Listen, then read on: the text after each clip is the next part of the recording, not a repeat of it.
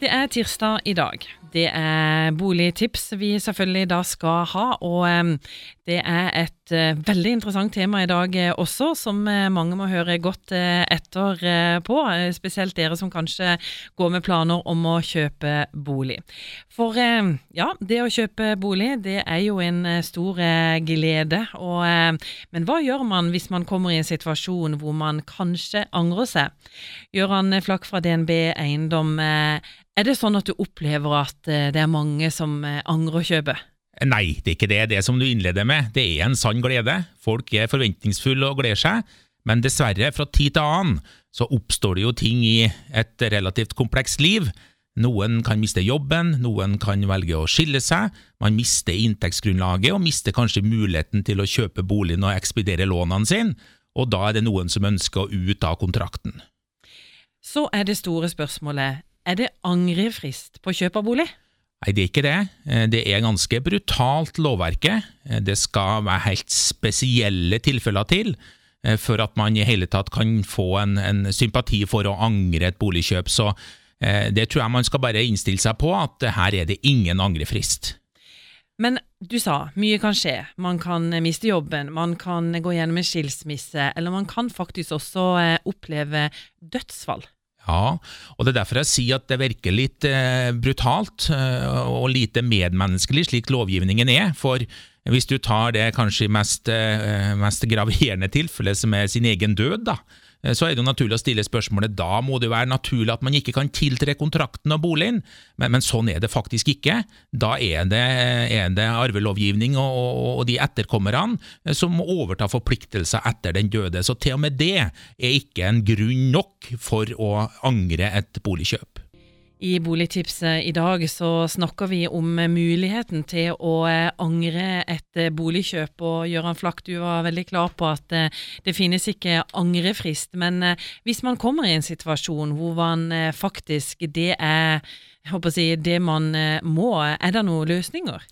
Det er jo to egentlige scenarioer. Det ene er jo at man velger å ikke samarbeide. Man nekter å betale for seg, kommer ikke til overtagelsen, skriver kanskje ikke inn i kontrakten, og det er det dårligste utgangspunktet for da kvalifiserer man til det vi kaller dekningssalg.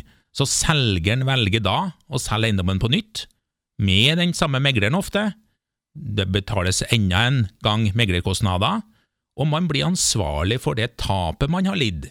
Så hvis man ikke oppnår den samme summen som det du har bydd, ja, så kommer den regningen til deg, og du har mista full råderett og, og kontroll over det salget. Det andre scenarioet, som er det scenarioet som da anbefales, selvfølgelig, det er at man samarbeider. Og da er det slik at vi selger boligen på nytt igjen for deg med en gang. Og hvis det er inntektsbortfall som er årsaken til at du ikke kan gjøre opp for deg, så er min erfaring at de aller fleste bankene er villige til å hjelpe deg ut av den knipa i de 30-40 dagene det tar å selge boligen på nytt igjen.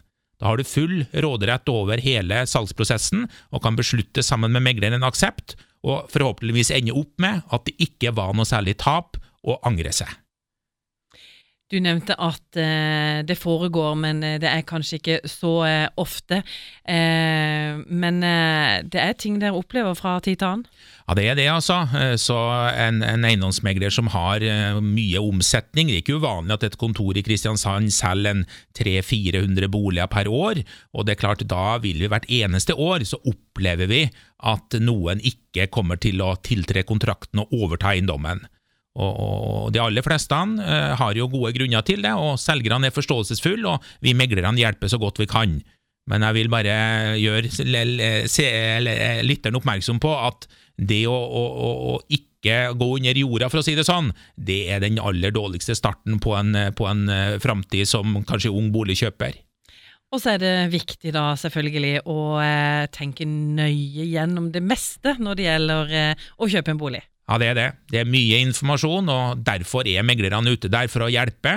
Vi er både kjøper og selgers mann, for å si det sånn, så altså bruk eiendomsmeglerne for det det er verdt, og, og still alle de spørsmål som du lurer på, så får du svar.